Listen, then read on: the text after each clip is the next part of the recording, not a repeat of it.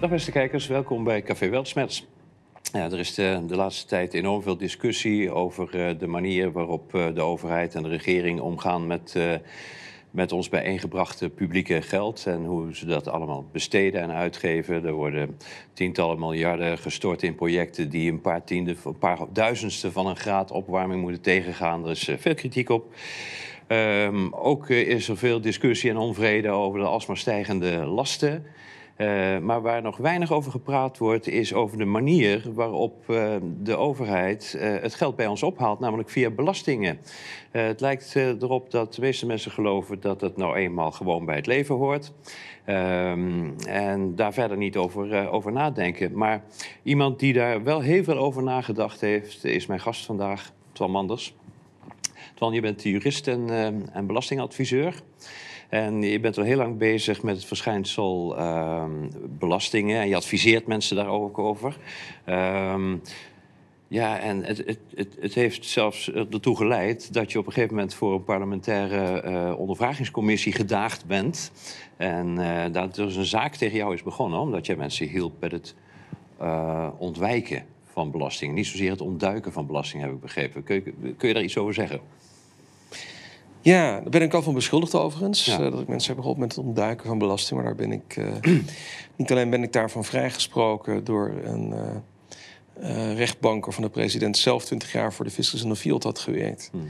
Maar het OM is niet eens in beroep gegaan tegen die vrijspraak. Wat heel ongebruikelijk is bij een megazaak die een week duurt. Dat hadden hmm. onze advocaten nog nooit meegemaakt.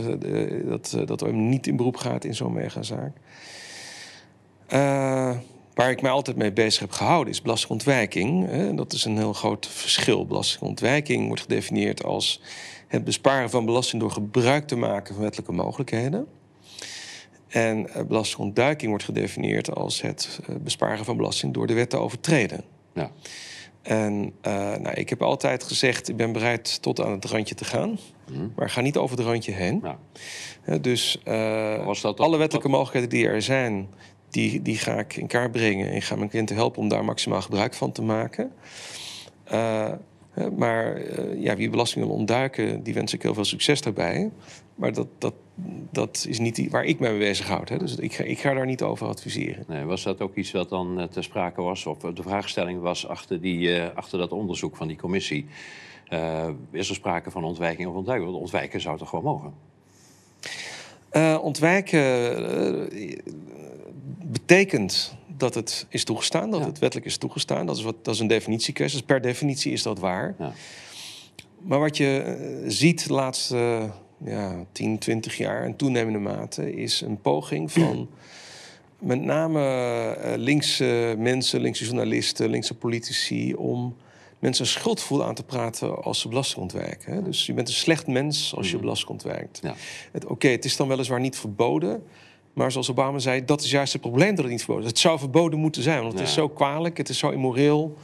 Het zou eigenlijk verboden moeten zijn. mensen die, zich daar die dat doen, ondanks dat het dan misschien niet verboden is, dat zijn slechte mensen, die, daar moeten we op neerkijken, moeten we ontmoedigen. We moeten op alle mogelijke manieren mensen zoveel mogelijk uh, uh, prikkelen om daar vooral mee op te houden. Ja, nou, dat, dat was een slechte ook, zaak. Hè? Ja, dat, precies. Dat is, dat is, er is een, een fragment toen, een videofragment, is behoorlijk viraal gegaan. Uh, waarin Renske Leijten, die toen volgens mij voorzitter was van die commissie, uh, jou ondervraagt. Uh, misschien kunnen we er heel eventjes naar kijken. Natuurlijk, ja. U vindt belasting ehm, een vorm van diefstal? Ja. Met belasting zorgen wij voor faciliteiten voor alle burgers. Um, vindt, u, vindt, u dat, vindt, u dat, uh, vindt u dat een legitiem doel van belastingen? Nee. Dus u woont nu in een sociale huurwoning? Ja. Mogelijk gemaakt? Mogelijk gemaakt. Doordat anderen. ja. Sorry, dat vind ik wel heel erg daar wel gebruik van. Sorry, de overheid neemt alles af wat ik heb.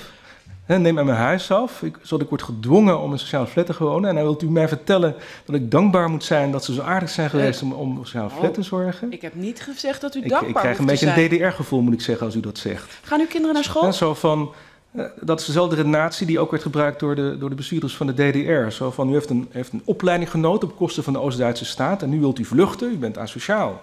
Dat is de redenering die ik hier bij u hoor. Ik vind het schokkend dat u dit durft te zeggen. Ik, heb, ik vroeg of u daar gebruik van maakte. Ik neem aan dat uw kinderen naar school gaan.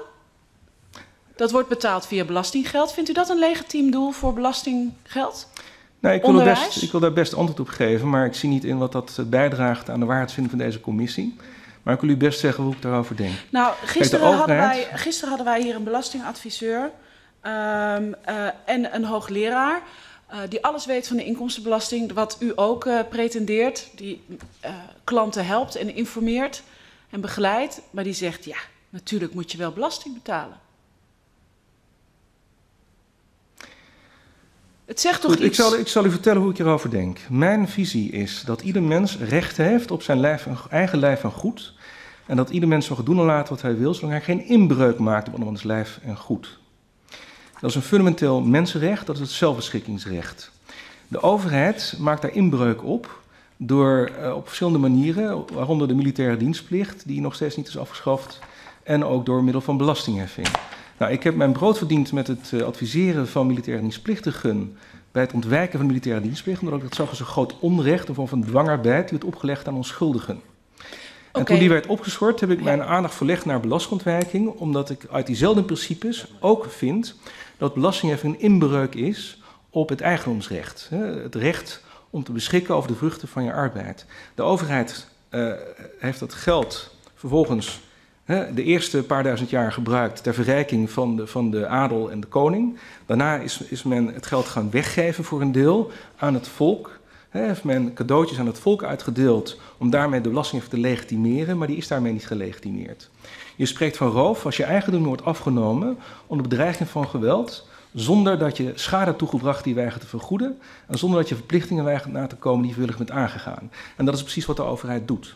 Als je belasting moet betalen volgens de regels die de staat oplegt en je doet dat niet, dan komen de mensen langs om je huis leeg te halen. En als je er tegen verzet, dan word je als crimineel behandeld.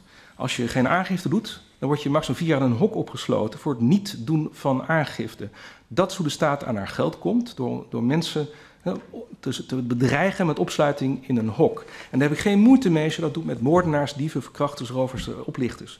Maar als je dat doet met onschuldige mensen die een vlieg hebben kwaad gedaan, en zoals, zoals bijvoorbeeld dienstplichtigen, zoals belastingbetalers, dan is dat een heel groot onrecht. En dat grote onrecht, daar strijd ik tegen. En daarom heb ik niet alleen uh, een heel groot deel van mijn leven besteed aan het spreiden van deze ideeën in de vorm van mijn politiek leiderschap van de Libertarische Partij, maar heb ik ook besloten om mijn carrière te wijden aan het in bescherming nemen van individuen tegen het onrecht dat de staat hen probeert aan te doen. En het feit dat een deel van dat geld niet wordt gebruikt door de politieke elite om, om uh, haar eigen zakken te vullen, maar dat een deel wordt gebruikt om cadeautjes uit te delen waar we niet om gevraagd hebben, hè, dat is geen legitimatie van roof. Ik stel vast dat u uh, veel geld heeft verdiend dat stelt met u helemaal niet vast, want dat kunt u helemaal niet weten. En dat met... Uh, dat uh, spreek ik ook bij deze tegen, dat ik er veel geld mee heb verdiend. Ik vind het ook heel raar dat u dat zegt. Hoe komt u daarbij? U heeft geen geld verdiend met mensen adviseren uh, onder ik, de wet uit te komen. Ik heb daar geld mee verdiend, maar ik heb daar niet veel geld mee verdiend. Nee, want u heeft geen vermogen in het buitenland staan. Nee, precies. Ik ben klaar voor ze. Ja, zij speelt hier ook heel erg in op dat, op dat morele aspect. Hè? Dat ze zegt hier van, ja, maar uh, uh, meneer Manders, u maakt er ook gebruik van, uh, van publieke voorzieningen. En u noemt belastingdiefstal of roof. ja, hoe moet, ik dat, hoe moet ik dat dan zien? U maakt ergens zelf gebruik van.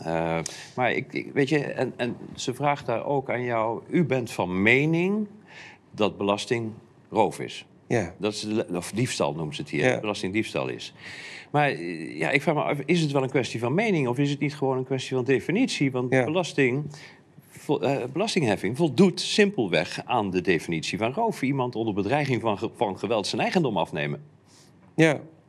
ja, helemaal mee eens. We spreken van roof als je eigendom van je wordt afgenomen onder bedreiging van geweld. Uh, er kunnen uitzonderingen zijn waarin dat is toegestaan. Namelijk iemand die bijvoorbeeld schade heeft aangericht en dan weigert de schade te vergoeden. Mm. Zo iemand mag je wel dwingen om toch de schade te vergoeden. iemand die vrijwillig een overeenkomst is aangegaan... en op grond van die vrijwillig gesloten overeenkomst... een betalingsverplichting heeft en die niet nakomt... Nou, mag je dan dwingen om toch zijn betalingsverplichting... die hij zelf is aangaan na te komen. Dus dat zijn rechtvaardigingsgronden...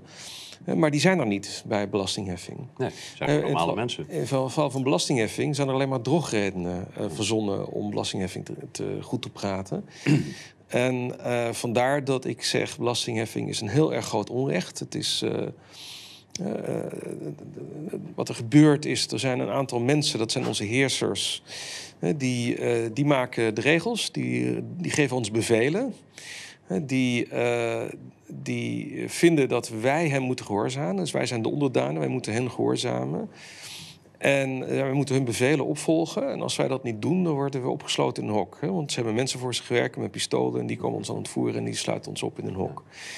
En, uh, en ze vinden dat dat een hele nuttige dienst is die zij leveren. En daar willen ze graag vorstelijk voor beloond worden in de vorm van belastingheffing.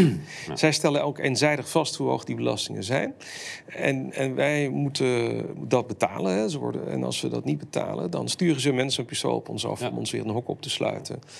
Of, of uh, het begint vaak met het uh, leeghalen van je huis, je spulletjes uh, leeg meenemen. Ja, ik krijg eerst een paar briefjes. ja, je krijgt eerst dreigbrieven. Ja. En als je dreigbrieven niet reageert, dan komt er een belastingdeurwaarder langs. Dat is iemand met een mooi woord, ja. iemand die gewoon je huis komt leeghalen. Ja. En als je dan niet open doet, dan komt hij terug met iemand met een pistool. Die heet dan een politieagent. Hè. Dan wordt er inge ingebroken in je huis om je spullen mee te nemen. En als je dat tegen verzet, dan wordt er net zoveel geweld gebruikt als nodig is om je, geweld, om, om je verzet te breken. Want het, het zal hoe dan ook links of rechts, zal het gebeuren. En, en die escalatie die zou kunnen ontstaan, die gaat net zo lang door totdat de belastingbetaler dood is. Ja. Eerder, eerder, dat is uiteindelijk... Of dat hij zich overgeeft. Ja. Hè, maar, maar die is eigenlijk hetzelfde aanbod dat de straatrover aan je doet. Die staat met een mes voor je. Die zegt, ik zal je niet steken als je mij je portemonnee geeft. Daar komt het eigenlijk op neer. Uh, alleen, ja. dit is dan allemaal weer wat, uh, wat, uh, wat uitgesponnen en ambtelijk gemaakt en zo. Dus waardoor dat de schijn van legitimiteit... Nou ja, als je kijkt naar de oorsprong van belastingheffing... hoe is de staat ontstaan, hoe is belastingheffing ontstaan? Nou, er waren vroeger roversbendes. Hè, met name de Noormannen zijn er heel bekend mee geworden. Maar dat was niet typisch voor Noormannen. Dat deden heel veel mensen in die tijd. Die, die, uh, die gingen zich dan toe bewapenen. Die vormden een bende. Die gingen dan op rooftocht. Die gingen naar een dorpje. In het dorpje werd iedereen werd, uh, werd, uh, werd geplunderd. Het hele dorp werd leeg geplunderd. De vrouwen werden verkracht. gemaakt. De mannen die zich verzetten die werden onmiddellijk vermoord. Ja. En als dat dorp was leeggeplunderd, dan gingen ze door naar het volgende dorp om daar precies hetzelfde te doen. Totdat ze op een dag tot de conclusie kwamen van... hé, hey, zo'n dorp wat we hebben veroverd, dat kunnen we ook bezet houden. Ja. He, er gewoon een paar mannetjes achterlaten die het bezet houden. En dan kunnen we voortaan niet eenmalig plunderen, hm. maar iedere oogst opnieuw plunderen. Ja, ja. Dus iedere keer als er geoogst wordt, dan gaan wij daar een deel van opbijten. Human farming. Precies. Het is de overgang van, ja. van jager-verzamelaar naar, ja. Uh, naar uh, uh, ja, agrarisch. Ja. nou, en, en, zo werd het een, een, een een institutie, zou je kunnen zeggen. Zo werd het genormaliseerd. Uh, mensen gingen het min of meer ja, accepteren. Want als je niet accepteerde, ging je dood. Dus je moest het wel accepteren. En die, roof, die rovers die dan een paar van hun uh, mannen achterlieten... om, om dat, dat dorp bezet te houden... die gingen zichzelf mooie titels geven. Die gingen zichzelf baron of, uh, of hertog noemen of ridder. Adel. Adel. Ja. en hun, de roverhoofdman die ging zichzelf koning noemen. En die mocht een heel mooi paleis wonen... met belastinggeld werd betaald. En ook die adel werd betaald van belastingheffing. We noemen dat groot grondbezit, maar dat die grond was niet op rechtmatige wijze verkregen. Dat grondbezit was ontstaan door die grond te veroveren van mensen die het al hadden bewerkt, die het al in eigendom hadden genomen. En die vervolgens pacht daarover mochten. En dat werd dan pacht genoemd, maar dat is natuurlijk een pacht, dat was gewoon belastingheffing. Ja. Uh, het was gewoon afpersing. Ja. gebaseerd op, op, op de, de roof van de, van de grond en daarna het, het uh, dreigen met geweld. Ja. Nou, en, maar goed, die mensen die gingen dus in paleizen wonen, in, in kastelen wonen... en die gingen zichzelf mooie titels geven... en die, en die kregen heel veel macht en geld en aanzien en, en maatschappelijk aanzien... En, dat werd steeds meer normaal gevonden. Zo, zijn, zo is het feudale stelsel ontstaan. Ja. Nou, op een gegeven moment, in de, met name in de 18e eeuw... toen stond er steeds meer weerstand tegen dat systeem. En... Uh, en toen, ontstond, toen kwam er een tijd waarin heel veel koningen moesten kiezen. Namelijk of ze gingen macht delen en de belastingopbrengst delen met het volk. Of een kop ging eraf, zoals met de Franse koning is gebeurd. Ja, begon dus riskant te worden. Nou, de meeste landen die nu republiek zijn, dat, die hadden dus koningen die het, zover, die het erop aan lieten komen. En die zijn, hun kop ging eraf of ze werden verjaagd. En hmm. dat zijn dus geen koninkrijken meer. En de koningen die zeiden nou, oké, oké, oké, ik ga macht delen... en jullie krijgen van mij cadeautjes voortaan, jullie krijgen ook van mij geld. Nou ja, die mochten blijven zitten en, en nou, hun nakomelingen zijn nu nog steeds koning. Ja. Uh, maar dat, dat is eigenlijk hoe het systeem is ontstaan. En, en gaandeweg werd het steeds meer uh, was, er steeds meer het idee van willekeur is slecht, dus we moeten alles in boeken opschrijven, we moeten wetboeken schrijven en als keurig wordt vastgelegd, de procedures worden vastgelegd, de procedures waarmee we de regels maken, waarmee we de belastingen vaststellen, de procedures waarmee we incasseren, de straffen die we opleggen, dat gaan we allemaal heel voorspelbaar maken, zodat je weet als onderdaan waar je aan toe bent, want willekeur dat is slecht, nou, dat is natuurlijk waar, willekeur is slecht. Maar als je slaaf bent van een slavendrijver die een keurig wetboek heeft gemaakt en alles heel voorspelbaar heeft gemaakt, maak je niet minder slaaf. Nee, nee maar het geeft in de connotatie, in de, in de beleving geeft het wel een soort eh, gevoel van legitimiteit. Hè? Nou ja, staat het in keurig gedrukte, gebonden boeken, et cetera. Nee, als je, de, de staat, staten hebben alle grond ter wereld veroverd. Dus al, al, elke vierkante centimeter grond is uh, van een staat. En ja, als je, moet, als je moet kiezen onder welke staat je leeft, want zonder staat leven, dat is onmogelijk gemaakt. Ze hebben heel goed het kartel met elkaar gevormd wat dat betreft. Ja. En dat betekent dat als je moet kiezen tussen een staat waar willekeur heerst, waar dus gewoon zonder opgave redenen een, kopje kleiner wordt gemaakt, letterlijk. En je mag kiezen uit de staat waarin wetboeken zijn en waarin het heel voorspelbaar is uh, wanneer dat soort dingen met je gaan gebeuren. Ja, dan is dat natuurlijk minder slecht. Ja. Maar dat, is niet een, dat betekent niet dat het goed is. Nee. Dat, uh, dat, dat is nou ja, daar wordt natuurlijk wel steeds op ingespeeld. Hè? Ook in, in dat uh, filmpje net met Renske Leijten probeert zij jou een, een, soort van slecht mens te maken. Door te zeggen van ja, maar meneer Manders, u maakt toch ook gebruik van deze sociale voorzieningen. Hè? Dus en waarom, u, waarom noemt u dan diefstal. Uh, overigens is dat een rare discussie, want het is, het is, het is roof, zoals we net al zeiden, per definitie. Hè? Dus bij, het, het, voldoet gewoon aan de, aan de definitie van roof. En of roof nou de geëigende manier is om daarmee collectieve voorzieningen te financieren, is eigenlijk een andere discussie. Dat is waar. Ja. Uh, maar goed, ik wil er best op ingaan. Een van de dingen die ze mij voor voeten hebben is... uw kinderen gaan toch naar school. Ja. Nou, ze gaf me overigens geen kans om de antwoord op te geven. Ik merk het. Dus ik heb dat antwoord nooit gegeven. Ik kan het dan nu bij deze alsnog ja. geven. Ja, mijn kinderen gaan naar school. Die gaan naar school omdat als ik ze niet naar school breng... dan word ik opgesloten. Ja. Als ouder word je dus gedwongen om iedere ochtend om half negen... je kind te droppen bij een door de staat geaccepteerde school. Door de staat aangewezen school. Uh, daar staan docenten voor, uh, voor de klas die iedere maand een salaris krijgen van de staat wiens brood mijn ethisch woord men spreekt. Ze worden ook gedwongen om een curriculum te volgen. Dat wordt vastgesteld door 20.000 ambtenaren die werken bij het ministerie van Onderwijs. En zo, uh, en, en, en dat wordt gezien als een, als een prachtige dienst die onze overheid ons levert. Hè. Gratis onderwijs. Ja, Waar we dus zelf voor betalen via belastingheffing, waardoor het veel duurder is dan het anders zou zijn. Particuliere scholen zijn meestal veel goedkoper dan staatsscholen. Alleen ja, dat, dat hebben mensen niet door. Want, want die staatsscholden worden via belasting even gefinancierd. Op zo'n manier dat de mensen het niet doorhebben. Want dat wordt, eh, die belasting worden mensen niet geïncasseerd bij de belastingbetaler rechtstreeks. Dat gaat via de ondernemer in de vorm, van, in de vorm van, van, van hoge prijzen en lage lonen. In de vorm van BTW en loonbelasting en verplichte premies en accijns en invoerrechten en nog. Er zijn tientallen belastingen in Nederland. Die worden bijna allemaal via de ondernemer geïncasseerd. Waardoor de mensen zich een flauw idee hebben hoe hoog die belastingdruk is. Maar je praat hier dus eigenlijk over een vorm van gedwongen winkelnering. Ja.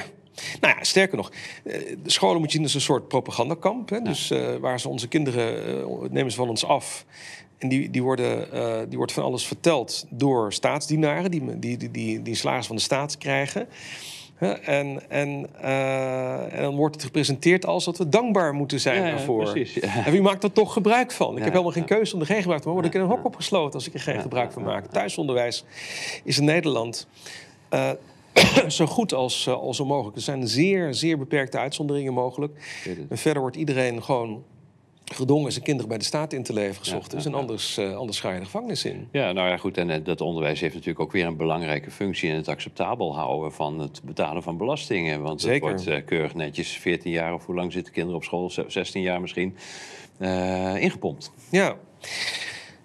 Ja, ik, ik, uh, ik, heb een hele korte analyse van de wereldgeschiedenis. Hè. Tot, tot ongeveer het einde van de 19e eeuw zag je, ah. vanaf de late middeleeuwen tot eind 19e eeuw, zie je dat over het algemeen slechte ideeën worden verdrongen door betere ideeën. dat over het algemeen vooruitgang is. Over het algemeen is er vooruitgang op het gebied van, van, van wetenschap, maar ook op het gebied van, van ehm, hoeveel vrijheden mensen hebben, hoeveel rechten mensen hebben, hoe, hoe, in de mate waarin hun rechten worden geschonden. Eh, met name zie je in de, in de 18e en 19e eeuw een opkomst van het klassieke liberalisme, waardoor uh, het feudalisme plaats moet maken voor, uh, voor meer vrije markt. En, en, mensen dus veel meer vrijheid krijgen, ook ondernemers meer vrijheid krijgen, waardoor de welvaart dramatisch stijgt en de levensverwachting dramatisch stijgt. En dan aan het einde van de 19e eeuw verandert dat. En in de 20e eeuw krijgen we dan het, het, het, het, krijgen we dingen als nationaalsocialisme, fascisme, communisme. Uh, we krijgen eh, een staat die, die massaal interveneert. Uh, we krijgen extreem hoge belastingen en, en, extreem veel regels. Zoveel regels dat iedere mens een crimineel is. Want iedereen overtreedt iedere dag regels van niet eens weet dat ze bestaan. Er zijn zoveel regels dat je, kun je niet eens weten. Ja. En de vraag is, wat is er dan veranderd? Wat is aan het begin van de 20e eeuw veranderd? Waardoor die trend van alsmaar meer vrijheid en alsmaar een kleinere overheid en sowieso alsmaar steeds betere ideeën die slechte ideeën verdringen. Waarom is er zo'n enorme trendbreuk in begin van de 20e eeuw? dan krijgen we de Eerste Wereldoorlog, de Tweede Wereldoorlog. In de 20e eeuw zijn 262 miljoen mensen vermoord door een eigen overheid. Dan heb ik het niet over mensen die sneuvelen aan het front. Zelfs niet dienstplichtigen die, die sneuvelen aan het front. Dan heb ik het gewoon over mensen die beleidsmatig omgebracht zijn door een eigen overheid. Uh, alleen al in de Sovjet-Unie zijn er 60 miljoen mensen vermoord aan eigen overheid. En in Mao China zijn, zijn 50 miljoen mensen vermoord aan eigen overheid. Pol Pot heeft, heeft een derde van zijn eigen bevolking vermoord in minder dan. Uh, dan, dan, ja, dat zijn natuurlijk klassieke voorbeelden, maar er zijn veel meer voorbeelden uh, die niet zo op het netvlies staan. Dus wat is er misgegaan begin van de 20e eeuw? Mijn antwoord is: de staat heeft twee meesterzetten gedaan. De eerste meesterzet dat was het monopoliseren van onderwijs. Het werd gebracht als gratis onderwijs. als een soort cadeautje van de staat. We gaan jullie kinderen voor jullie onderwijzen. Uh, je mag ons wel dankbaar zijn, nou, zoals Renske Leijten zei. Hè? Ja, ehm, ja, ja, precies. En, uh, het is een recht, weliswaar een verplicht te nemen recht, maar goed. Het nou ja, ook nog de leerplicht. Je kunt helemaal niet iemand dwingen om iets te leren. Je kunt alleen maar dwingen om aanwezig te zijn. Uh, en over het algemeen is het zo dat mensen die vrijwillig iets leren... dat ze het zelf interessant vinden, die leren veel beter en veel sneller. Zeker. dan mensen die, die in een bankje worden geplaatst. Een soort schoolbankplicht kun je het beter noemen dan een leerplicht. En, uh, nou, wat, wat, uh, en wat zie je dus? Dat iedere generatie opnieuw wordt die impact van de overheid publieke opinie wordt groter. Door dat systeem. Want wij zijn allemaal naar staatsscholen geweest. Maar onze ouders ook al. Onze grootouders ook al. Onze overgrootouders ook al. Het is geïncorporeerd in de hele cultuur. Ja, maar uh, wat we, lang. Op school uh, leren wij dus dat we dankbaar moeten zijn dat we zo'n prachtig land als Nederland uh, mogen opgroeien. Waarin de overheid zo goed voor ons zorgt, van de wieg tot in het graf. Ons zorgt, dus ook een prachtige wegen aanlegt. En goede voorzieningen en, en scholen en ziekenhuizen. Alles wordt voor ons geregeld. En, en belastingen, dat is een small price to pay. Hè? Dat, ja, dat, is, dat hoort er gewoon bij.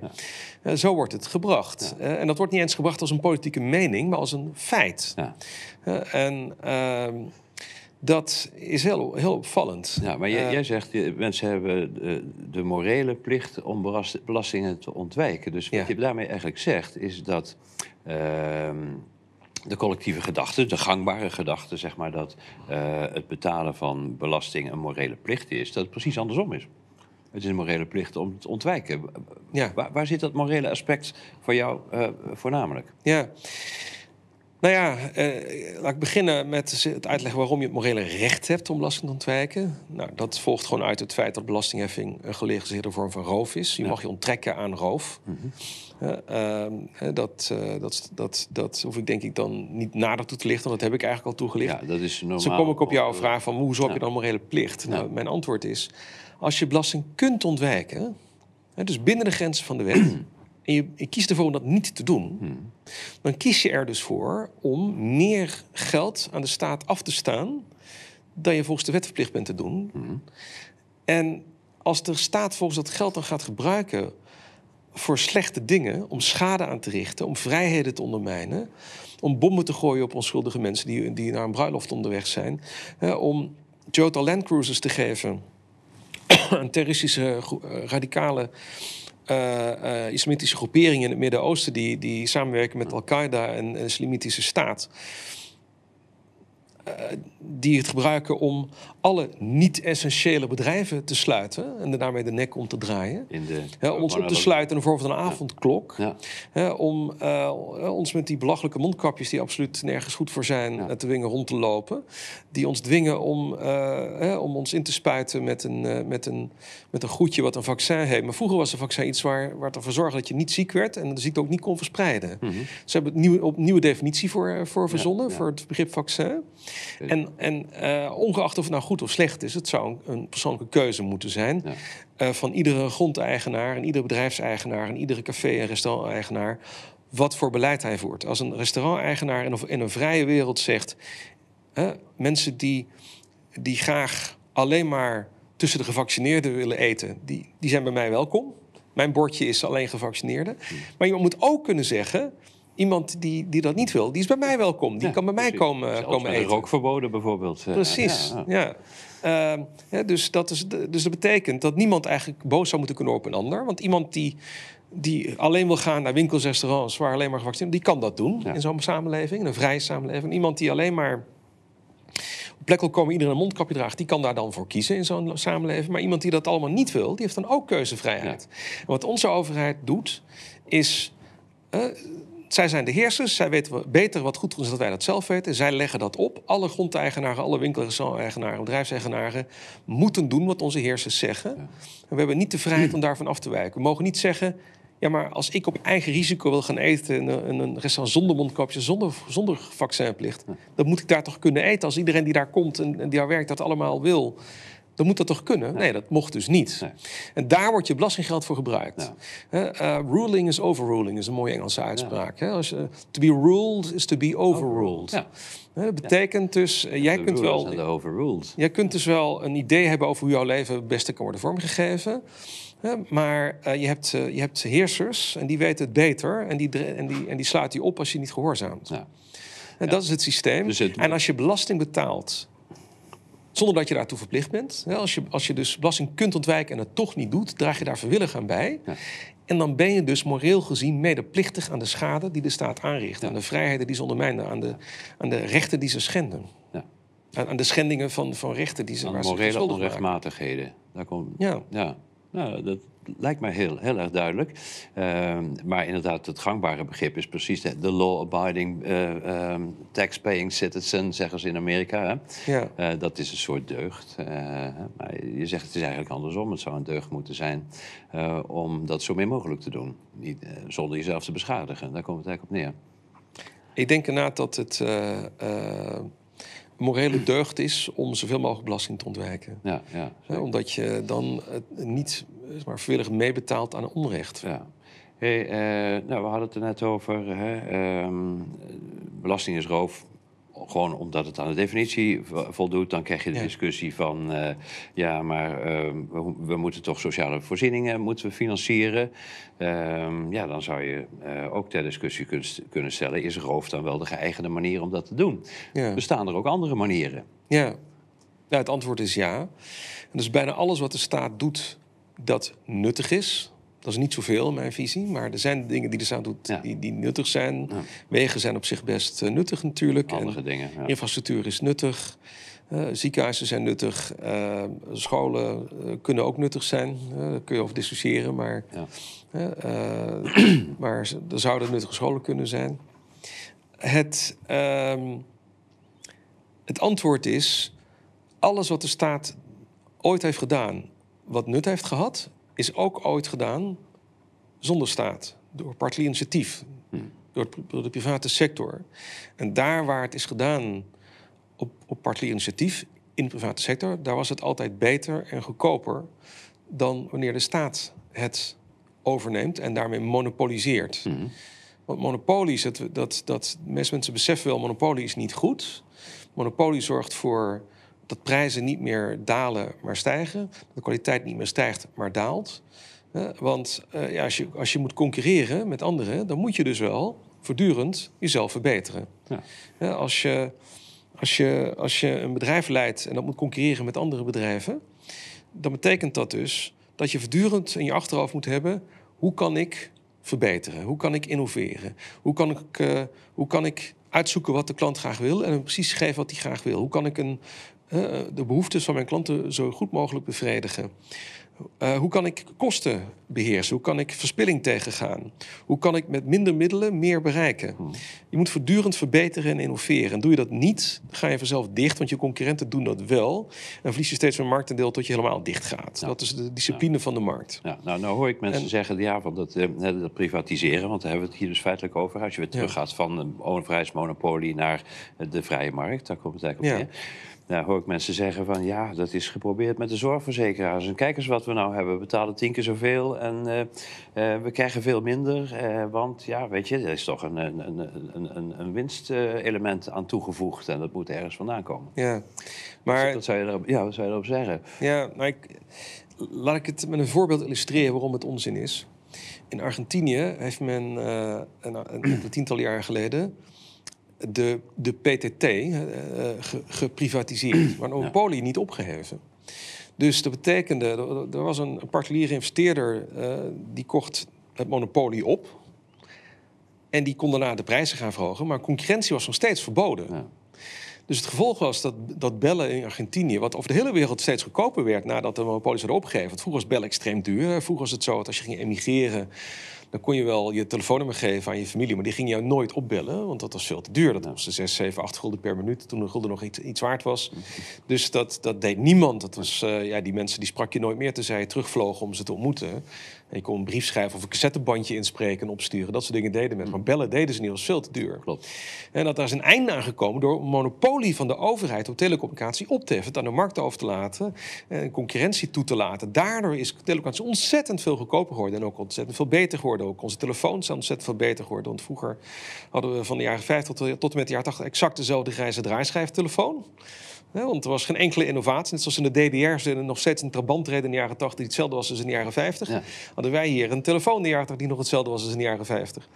Nou, en dat, dat uh, opheffen van een monopolie, dat is de sleutel. zo kun je zorgen voor innovatie, voor verbetering, voor lage prijzen en een betere, betere service. en een betere dienstverlening. In Argentinië hebben ze dat totaal verkeerd gedaan. Hebben ze het wel geprivatiseerd, maar een monopolie in stand gehouden. En die, dat Argentijnse telefoonmonopoliebedrijf... die ging gewoon de prijzen nog verder verhogen. En, uh, en, en tegelijkertijd was het zo, in de rest van de wereld was, waren er alternatieve systemen... Waar, waar, wel uh, meer vrijheid was, waar wel meer concurrentie was. Dus dat gingen die Argentijnen massaal doen. Die gingen gebruik maken van een callback service. Dus dan, dan belden ze heel kort naar een nummer in Amerika waar toen al wel concurrentie was. En dan werden ze, konden ze ophangen. Dan werden ze teruggebeld uit Amerika. En, zo gingen ze hun telefoontjes plegen. En dan kregen ze een, een, rekening uit Amerika die ontzettend veel goedkoper was dan ze anders hadden moeten betalen aan de, monopolist. Oké, mensen vonden het uitweg. Ja, maar de monopolist ging toen afluisteren. En als ze merkten dat je zo'n callback zou dan gingen, dan gingen ze de lijn, eh, de verbinding verbreken. dus dat is een voorbeeld van hoe het niet moet. hè. Dus privatiseren is extreem belangrijk. Het is extreem belangrijk om een einde te maken aan staatseigendom op, op, op wat dan ook. Maar je moet het wel goed doen. Ja. Als je, je moet ook demonopoliseren en dereguleren. je moet ook de prijzen loslaten. Dat is tegenovergesteld wat in Nederland is gebeurd. Wat in Nederland is gebeurd, is dat we uh, juist een, een, een, een, zorgsector hebben die helemaal ziek gereguleerd wordt. Waarbij de overheid een extreem dikke vinger in de pap heeft. Waarbij de, de overheid extreem veel regels maakt, extreem veel zaken dwingend oplegt, waarbij ook de prijzen door de overheid worden bepaald. Dus exact het tegenovergestelde van de vrije markt. Ja. Uh, en, en, het is wel waar dat er, dat, dat er binnen zeer, zeer grote beperkingen er, een, ja, er zijn meerdere uh, uh, zorgverzekeraars. Maar ja, concurrentie kun je het niet echt noemen. Het is een zeer beperkte concurrentie die mogelijk oh, Als je het ook verder naar de top volgt, dan zie je dat ze allemaal onder dezelfde aandeelhoudersverenigingen vallen. Ja, vaak zijn het niet eens, uh, vaak zijn het non-profits, vaak zijn het niet eens bedrijven met aandeelhouders. Ja, is niet eens meer te, te, te traceren. Dan. Ja. En wat je ook ziet is uh, dat, dat dat nieuwe zorgstelsel, uh, voordat dat ingevoerd werd, had je een ziekenfonds, wat door de overheid werd georganiseerd, maar je had ook de private sector. Mensen die echt particulier verzekerd, of echt, werd ook gereguleerd, maar minder dan daarna.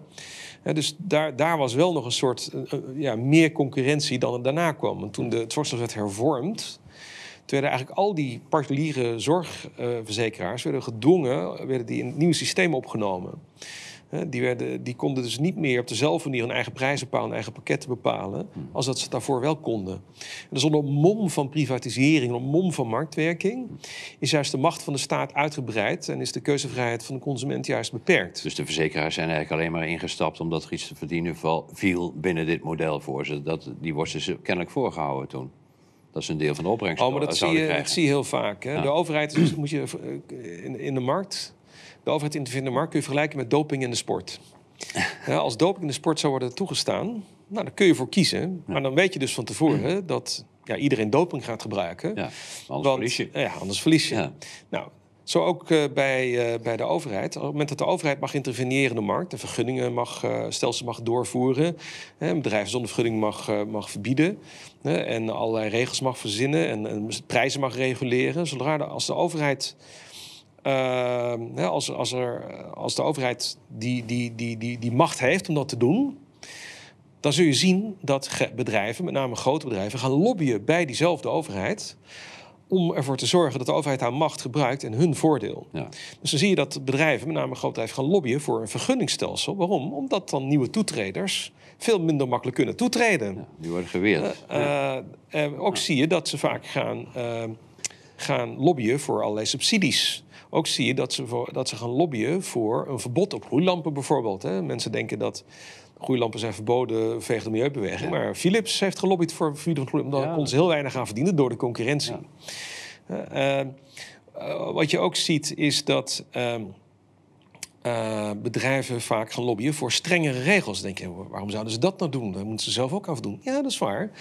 Maar als grote bedrijven een team van 20 juristen moeten inhuren vanwege, de compliance uh, aan al die regelgeving. Dat kunnen ze beter dragen dan kleine bedrijven. Die kunnen dat zich niet permitteren. Die kleine bedrijven die kunnen geen team juristen inhuren om weggewijs te worden in het oerwoud van regelgeving. Dus dat betekent dat zij concurrentienadeel hebben. Dat zij marktaandeel gaan verliezen aan de grote bedrijven die dat zich wel kunnen permitteren. Zij kunnen die kosten van die compliance over een veel groter uh, uh, aantal producten en diensten en omzet verspreiden. Mhm.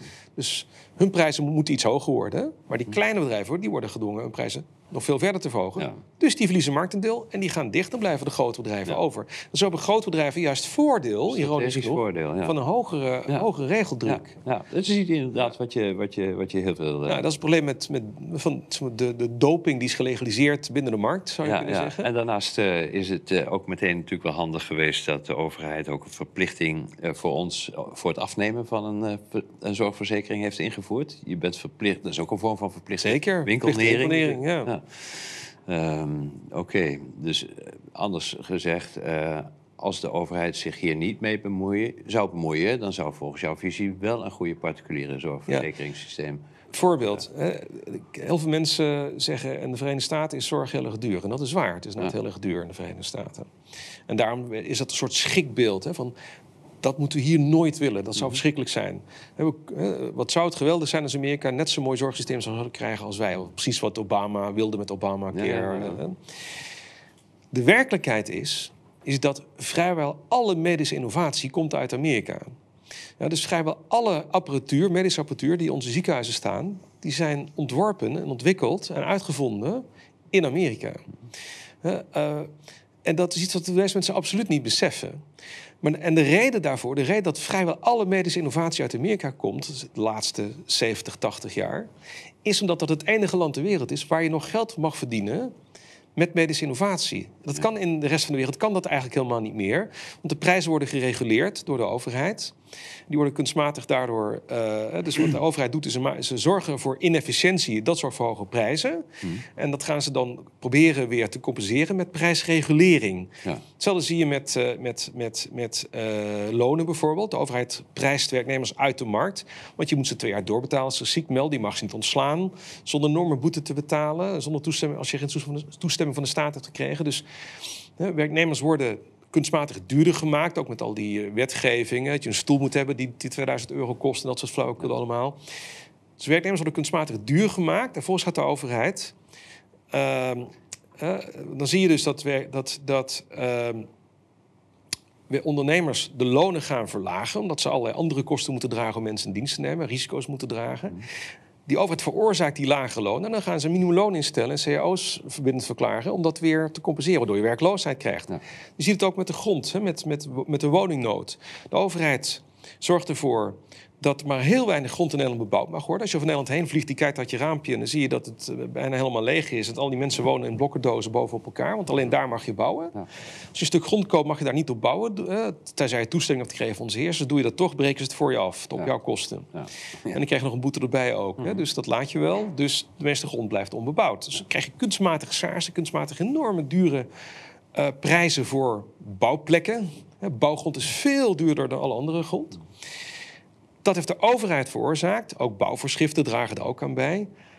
En dan komen zij met de oplossing. En de oplossing is dan, zij gaan de huren regelen. Ze gaan verplichten dat de huren omlaag moeten. Dan krijg je woningnood natuurlijk. Want investeerders gaan niet investeren in die woningbouw, in goedkope woningen. Want dat levert geen rendement op. De, de woningbouwverenigingen gaan uitverkopen, want ze kunnen er niks nou, op verdienen. Zo ook met de zorg. Hè. De overheid heeft door de zorg te monopoliseren de zorg heel duur gemaakt. Dan gaan ze uh, als oplossing de prijzen reguleren. Daardoor krijg je wachtlijsten in de zorg. Daardoor krijg je kwalitatief minder goede zorg. En dat betekent het einde van innovatie in de zorg. Nou, in Amerika mag je nog wel geld verdienen met zorg. Dus vindt daar alle medische innovatie plaats. En de rest van de wereld kan er in feite op, ja, ik zou bijna zeggen, parasiteren, of mee profiteren. Doordat dingen die daar ontwikkeld worden, wij hier kunnen kopen en hier kunnen gebruiken. dus uh, uh, dat, dat is iets wat weinig mensen beseffen. En ik wil niet zeggen overigens dat de Amerikaanse zorgsector dat dat ja, een soort paradijs is dat ze ook moeten krijgen. Want ook in Amerika heeft de overheid de zorg flink verziekt. Hmm. Ook daar heb je namelijk uh, het systeem dat, dat je alleen maar arts kunt worden als je uh, eigenlijk lid van het kartel wordt, de American Medical Association. men houdt dat het aantal mensen die arts kunnen worden, houdt men heel erg beperkt. Dat is ook een kunstmatige schaarste door artsen in Amerika allemaal miljonair zijn. Hè. Die verdienen allemaal tonnen per jaar door die kunstmatige schaarste. Dus dat is natuurlijk niet goed. Wat ook niet goed is, is dat ze ook op andere manieren in de zorg uh, interveneren. Uh, bijvoorbeeld toen de gezondheidszorg gratis is geworden in de jaren 60 voor ouderen en armen. Daar zijn de kosten gigantisch gestegen. Uh, daarvoor was, het, was, het, was de zorg in Amerika zo goedkoop dat de meeste artsen en ziekenhuizen arme mensen gewoon gratis hielpen. Of wel een rekening sturen, maar niet verwacht dat die ooit betaald ging worden. dat, dat, dat, en, en, nu is dat juist een, extreme kostenpost geworden, die, die gratis zorg. Dus het is geen schoolvoorbeeld van hoe het wel moet. Nee. Het is alleen dat wij het nog veel slechter doen. Ja. dus het land der blinden is één nog koning. Gedeeltelijk mee profiteren van de, laat maar zeggen, um, sponsoring van de Amerikaanse uh, zorgconsument. Want die betaalt die hoge prijzen waaruit die innovatie kan voortkomen. Daar hebben we hier plezier van. Ja. Precies. Ja. ja. Hey, um, ja, als ik jou zo hoor, dan komt bij mij toch de vraag op: hebben we überhaupt een overheid nodig? Dat hangt af van je definitie van overheid. Ja. Dus als je dus de overheid definieert als een, een, een, uh, een organisatie die uh, ons beschermt tegen criminelen en tegen invasies die uh, criminelen gaat, de moordenaars, dieven, verkrachters, oplichters en uh, dat soort mensen gaat opsporen, berechten. Ze gaat dwingen schadevergoeding te betalen en ze opsluiten als gevaarlijk zijn. En die als ze worden aangevallen de, de landsgrenzen verdedigt, het land verdedigt tegen invasies. Als dat je definitie van overheid, dan ben ik helemaal voor een overheid. Want dat vind ik ook belangrijk dat dat soort dingen gebeuren. Ja. Maar als je de overheid definieert zoals die mensen wordt gedefinieerd als een organisatie met een geweldsmonopolie. Mm uh, die met belastingheffing zichzelf financiert, dan ben ik tegen de overheid. Want ik vind dat uh, ja, een, een, monopolie. dat, er, dat je handhaaft door je concurrenten op te sluiten, met, met, met opsluiting te, te bedreigen, dat is onrechtmatig. dus iedereen moet de vrijheid hebben om, uh, om bescherming te bieden als dienst dus stel, vroeger hadden we gemeentepolitie. Vroeger hadden we meer dan duizend gemeenten en we hadden gemeentepolitie. Stel je voor dat je in die tijd had gezegd, weet je wat... ieder gemeentelijk politiekorps mag zijn diensten ook buiten de gemeentegrenzen gaan aanbieden. En omgekeerd. En je mag gewoon kiezen. Je mag gewoon een abonnement kopen op het korps waar jij het beste gevoel bij hebt. Waar, of waar, waar de Consumentenbond de beste uh, testresultaten aan gegeven heeft. En je kunt switchen op het moment dat je niet meer tevreden bent met jouw politiekorps. En dat het te lang, te lang duurt voordat ze komen. Of omdat ze corrupt zijn. Of omdat ze te, te weinig mensen uh, weten op te sporen. Dan kun je switchen. Dat, dat is voorstelbaar dat je dat zou kunnen doen. Dan zou je dus concurrerende politiekorps hebben. Nou, die hebben we niet als verboden. We hebben nu één nationaal politiekorps. Maar dat systeem van concurrerende politiekorpsen, dat, dat, dat, daar zou ik een warm voorstander uh, van zijn. Ik, ik, ik hoor al een stemmetje van mensen die daar tegenwerpingen tegen zou hebben. Ja, maar dan wordt het een soort uh, concurrerende knok, knokploegen. Ja, maar dat is denk ik heel naïef uh, om te denken. Ik, mensen denken dat ik naïef ben als ik dit systeem voorstel, maar ik denk dat het net andersom is. Mm. Want stel je voor dat jij en ik klanten zijn van twee verschillende politiekorps. Ik heb een abonnement bij Korps A, jij hebt bij Korps B. En we krijgen met elkaar een conflict. Ja. we bellen alle twee ons eigen korps op van je moet mij komen beschermen. Stel dat die korpsen dat probleem zou oplossen met oorlog. Ze zouden oorlog met elkaar gaan voeren en het gaan uitschieten. Hè? Net zolang tot, uh, tot één van de wezen overgeeft. Nou, Zo'n korps moet enorm veel gevaargeld betalen aan haar agenten bovenop het normale salaris. Want wie heeft daar nou zin in om op die manier conflicten op te lossen? Wat veel meer voor de hand ligt, is dat die twee korpsen met elkaar afspreken van tevoren, voor het conflict überhaupt bestaat. Als wij, als onze klanten met elkaar een conflict krijgen, dan leggen we dat voor aan een arbiter. En wij committeren ons aan de uitspraak van die arbiter. En we zullen beide korpsen dwingen datzelfde vonnis van die arbiter af. Dan hoeven we dus geen oorlog te voeren. We, wachten, we leggen het gewoon voor, wachten het vonnis af. Als het vonnis er is, voeren het uit. Een soort rechter. Ja, dat, dat, dat is natuurlijk een veel goedkopere en veel efficiëntere oplossing. Hm. Die, die agenten uh, zullen veel bereid zijn om zonder gevarengeld of een veel lager voor zo'n korps te gaan werken, want dat is veel veiliger. Die klanten willen het ook liever. Die willen ook niet, niet dat de kogels om de oren vliegen. Die willen ook liever dat het op een vreedzame manier wordt opgelost. Hm. Dit is de oplossing. Eigenlijk op dezelfde manier.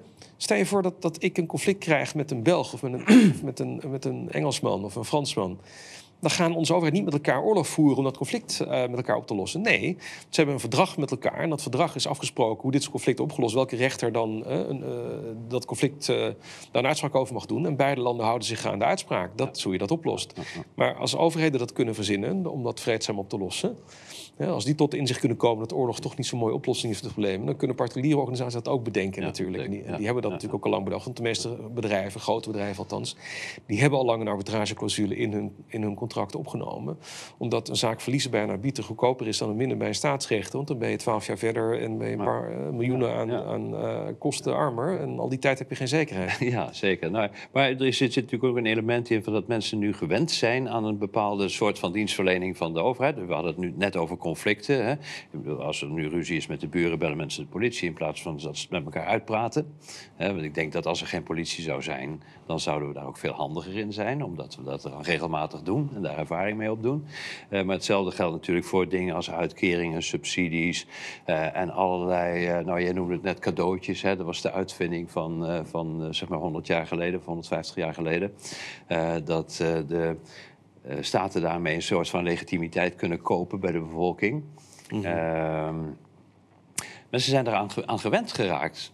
Uh, als je dit uh, zou doen, je zou zeggen: ik stop met, uh, met een overheid in de vorm zoals nu. Ja, kunnen mensen dan nog voor zichzelf zorgen? Ja, nou goed, dat, we hebben een soort van experiment hiermee gehad, tot, tot op zekere hoogte, toen het communisme ophield te bestaan. Uh, zijn, uh, in de jaren tachtig leefde de helft van de wereldbevolking leefde onder een communistisch juk. Alleen al in China waren, waren meer mensen onder het communistische juk. Hè? Maar de, de, dat weten we van de meeste derde wereldlanden hadden ook een socialistisch regime. En uh, eind jaren tachtig is, met uitzondering van een paar landen, is het communisme opgehouden te bestaan. Al die communistische landen zijn zijn, uh, hebben radicale hervormingen doorgevoerd, radicale uh, markthervormingen doorgevoerd. Hebben hun staatsmonopolies grotendeels opgegeven en overgelaten aan de markt en overgelaten mhm. aan concurrentie.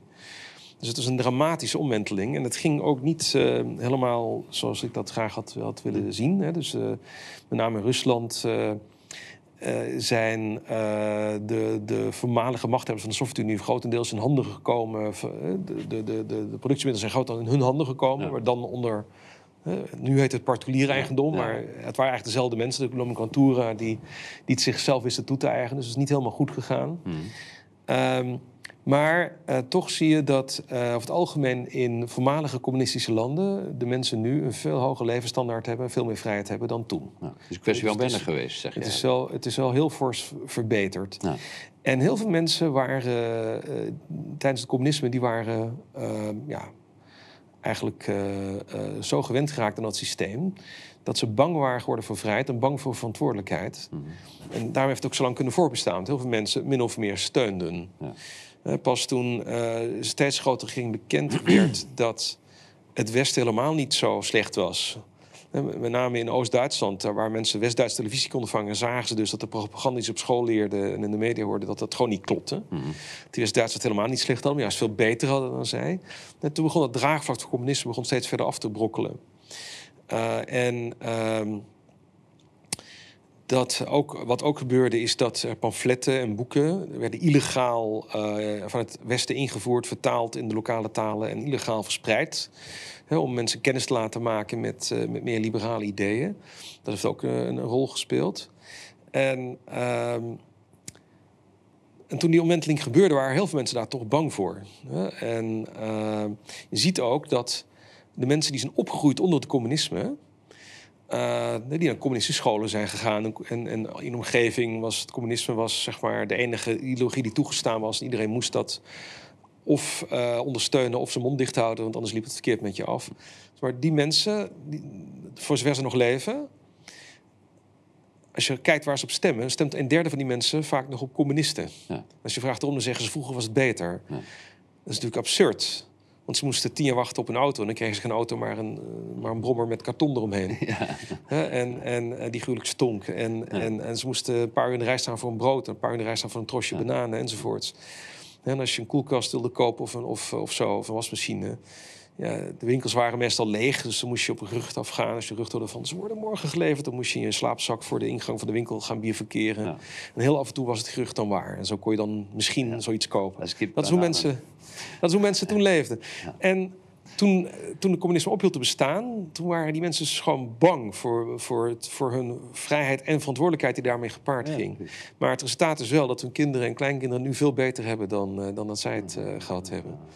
Dus ja, uh, je snijdt terecht een, een, een punt aan, maar uh, dat is geen reden om. om nee, uh, het is gewoon een kwestie van wennen, even wennen. Ja. Even wennen aan de nieuwe situatie en je soort... nieuwe verantwoordelijkheden en de voordelen die daarbij komen. Je zag het ook bij slaven, hè? ja. slaven, die waren eigenlijk best tevreden als slaaf. Die, die hadden helemaal niet de behoefte om te vluchten, want die dachten, ja, we hebben het toch goed. We, mijn, mijn, mijn, mijn, mijn meester die zorgt voor mijn eten, voor mijn onderdak. En, nou, er zijn inderdaad en, boeken en hij is aardig voor mij. Hij is veel aardiger voor mij dan al die andere meesters van die andere zeker. plantages. Nou, er zijn boeken over geschreven uh, uh, van mensen die uh, zelf als slaaf in die plantages hebben gezeten. En zichzelf lezen en schrijven hebben geleerd en dat opschreven.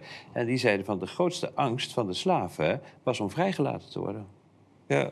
Infant, infantilisering heet dat. Hè? Dus, ja, maar daar zat, ja. natuurlijk ook, daar zat natuurlijk ook wel een kern van waarheid in. Omdat, ja, ik bedoel, uh, buiten de plantages in het zuidelijke deel van Amerika... Uh, kon een, een, een, zwarte werknemer kon nergens een baan vinden. Dus die ging geheid dood. De enige manier om te overleven was door gevoed te worden door jouw slavendrijver. Ja, er waren wel vrij zwarte. Uh, maar eh, ja, liep in het zuiden natuurlijk het risico dat je gepakt zou worden en terug zou worden gestuurd. en dan met de zweep zou krijgen. Hm. Maar als je het noorden kon bereiken, dan, uh, dan, dan was je. Maar het schijnt dat er ook slavenhouders gewoon dreigden bij de slaven: van ik stuur je van de plantage als je niet gehoorzaam bent. Dan ben je een soort van vogelvrij. Dat heb ik, dat heb ik nog nooit nou, gehoord. Nou, ja, ik wel. Maar goed, maar ik kan me het wel voorstellen. ik kan het wel voorstellen. Ja. Ik bedoel, het, is, het, is, het past wel in dit mechanisme. Zeg, ja, ja, toen ook hoe een, meer je uh... mensen pampert en uh, verzorgt, hoe moeilijker het wordt voor ze om dat vervolgens zelf te gaan doen. Ja. Dan ontstaat er ook een vrees om dat te moeten doen. Ja. Je had toen ook een uh, medische aandoening die voorkwam onder, onder, onder slaven. het heette drapetomania. En dat was de ziekelijke drang om uh, te willen ontsnappen en vrij te willen zijn. Okay. Terwijl objectief gezien konden ze daar niet beter worden, kon alleen maar slechter worden. Maar toch ja. wilden sommige slaven dat. Ja. Ze werden dan door een arts, werden die kregen de diagnose van uh. Ja, dat is een beetje vergelijkbaar met nu, hè? Want tegenwoordig wordt, uh, wordt ook ongehoorzaamheid en ja. niet meegaandheid ook gemedicaliseerd. Hè? Dat staat volgens mij al in een of andere register. Hè? Hey, maar oké, okay, ja. En, en, ja, ik wou... defiant disorder. Ja, zoiets is het. Hè? Ja, ja ja, maar je ziet dezelfde patronen steeds weer terugkomen. Maar goed, ja, hoe, hoe dan verder? Ehm, hoe verder? Ja. Nou ja, ik, ik pleit dus duidelijk voor een uh, radicale verkleining van uh, de overheid, hè, zo klein mogelijk. Maar je ziet precies het tegenovergestelde gebeuren. Ja, helaas, en dat is overigens een, een, mechanisme dat zichzelf aandrijft. En er, ergens moet het een keer gereset worden. En dan begint het weer overnieuw en het drijft zichzelf aan. Ja, een radicale vergroting van, van, de, van de vrijheid van het individu. Hè. Dus op alle terreinen moeten we de overheid uh, terug in zijn hok zo Maar dat betekent dus dat je je eigen individuele vrijheid moet gaan bewaken. Want, um, en dat zouden dan alle individuen moeten gaan doen. Ja. En wil je daar succes in hebben. Ja. Het probleem is wel dat heel veel mensen die willen dat helemaal niet. Want die, uh, ze, ze, zijn naar staatsscholden geweest en hun voorouders ook al. Dus ze geloven daar helemaal niet in, in meer vrijheid. Breek me de bek niet op. Zwaar, dus, dus, dus de vraag, hoe, hoe, kunnen we dan toch uh, ons doel bereiken? En ik denk dat de beste strategie waarschijnlijk decentralisatie is. Ja. Want uh, decentralisatie, waarbij je macht bij de, de, Europese overheid, de Rijksoverheid weghaalt. En zorgt voor meer autonomie voor, voor kleine gemeenschappen, voor gemeenten eh, of nog kleinere gemeenschappen. Dat is een idee waar heel veel mensen uh, ja, positieve associaties mee hebben. Zelfs heel veel linkse mensen die, die, die, ja. Uh, ja, die vinden dat een goed idee om dat te doen. Het idee is gewoon hoe kleiner de gemeenschap uh, en hoe kleiner het bestuur, dus hoe, meer, hoe minder macht het bestuur heeft. Dat is eigenlijk vrij simpel. Ja, en dat zou een zeer positieve ontwikkeling zijn in mijn ogen. Want als je kijkt naar alle grote, de grootste misstanden, de grootste schendingen van de mensenrechten, dan heb je die altijd plaatsgevonden in grote staten. Dus de Sovjet-Unie, China onder Mao. Ehm, dat, soort, dat soort superstaten, daar is het gruwelijk ontspoord. Daar zijn miljoenen mensen vermoord door hun eigen overheid. Terwijl miniatuurstaatjes zoals Andorra en Liechtenstein en Monaco en Luxemburg en Jersey, Guernsey, Isle of Man, San Marino... Uh, miniatuurstaatjes, uh, daar zie je vaak, maar ook, buiten Europa, dus ook Hongkong en Singapore bijvoorbeeld, ehm, daar zie je juist relatief heel veel vrijheid, hele lage regeldruk, hele lage lastendruk. Uh, daar zie je dat, soort, dat de overheid zo gruwelijk misdraagt, dat, dat kom je daar eigenlijk helemaal niet, uh, niet tegen.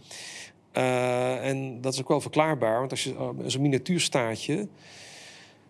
Ja, kan zich dat niet permitteren. Want als ze dat soort dingen gaan doen, als ze, zelfs als ze maar een beetje de regeldruk lastdruk verhogen, meer dan de, de, de buurlanden, dan gaan mensen gewoon verhuizen. Want die, drempel, die drempel is zo laag. Het, het stemmen met de voeten.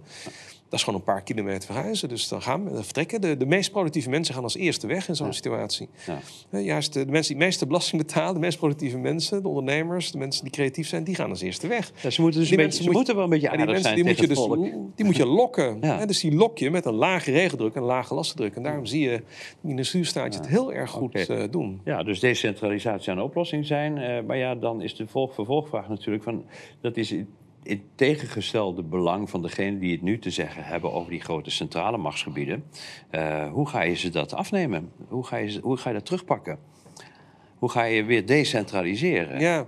Want uh, nu nou ja. bijvoorbeeld Brussel en de EU, dat, je ziet precies het tegenovergestelde. Ja. Het wordt een steeds groter machtsblok. Ja. En de, de, de lui die daar de, de privileges van hebben, die zullen het zich niet zo gemakkelijk uh, laten afstelen. Ja, ja. Uh, ja, hoe doe je dat? Uh, het antwoord is denk ik, hè, dat is waar wat cursus individu doen. Het antwoord is, ja, je moet... Of denk, samen, mag ook.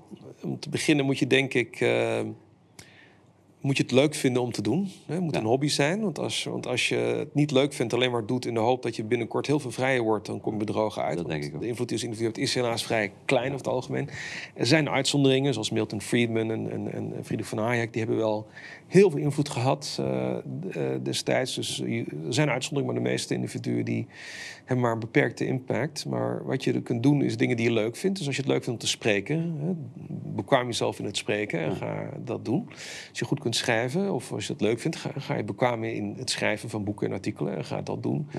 Wat je ook kunt doen is uh, alternatieven ontwikkelen, zoals uh, bijvoorbeeld Bitcoin, Uber, Airbnb. Dat zijn dat zijn uh, initiatieven waarbij uh, ja, de vrijheid van, van het wordt vergroot. Uber heeft de, de taxikartels eigenlijk massaal onderuit weten te halen. Uh, en uh, bitcoin is natuurlijk ondermijnend voor het, het, het, het, staatsmonopolie op de geldcreatie. dus als je zo'n initiatief, als je zegt, nou schrijven, spreken, spreken niet zo aan, ik wil iets doen. Uh, als ondernemer of ik wil een initiatief nemen, hè, dan, zou je dus iets dergelijks kunnen verzinnen. Iets wat, uh, iets wat disruptive is, iets wat, uh, wat ervoor zorgt dat ja, ja, consumenten een, een, keuze krijgen die ze nog niet eerder niet hadden. Mhm.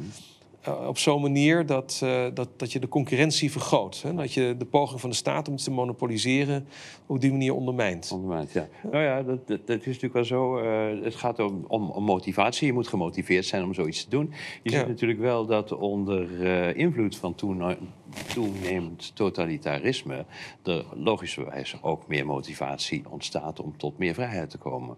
Dus in, in, in, in die zin zou je kunnen zeggen dat degene dat kan goed gaan, maar dat kan ook fout gaan. Dus dan, dan kun je... je dus, in de communistische landen is dat goed gegaan. Hè? Dus communistische landen waar de communistische machthebbers zijn verjaagd... daar is meestal meer vrijheid voor in de plaats gekomen. Mhm. Dus dat is wel goed gegaan. Maar uh, wat je ook wel eens ziet, is als machthebbers worden verjaagd... dat de nieuwe machthebbers er een, een nog grotere puinhoop van maken.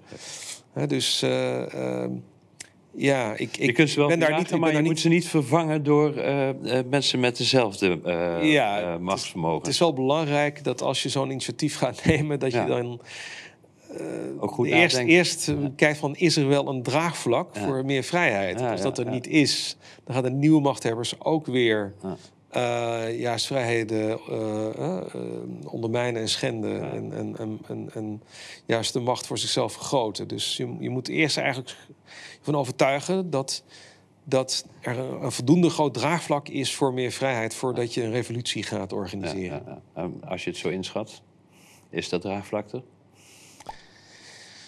Uh, nee, ik denk dat er in Nederland te, weinig draagvlak is. Dus ik, ben ook geen revolutionair. Nee, ik, probeer niet een opstand, een gewapende opstand te bewerkstelligen. Dat is, uh, dat is denk ik contraproductief in deze situatie.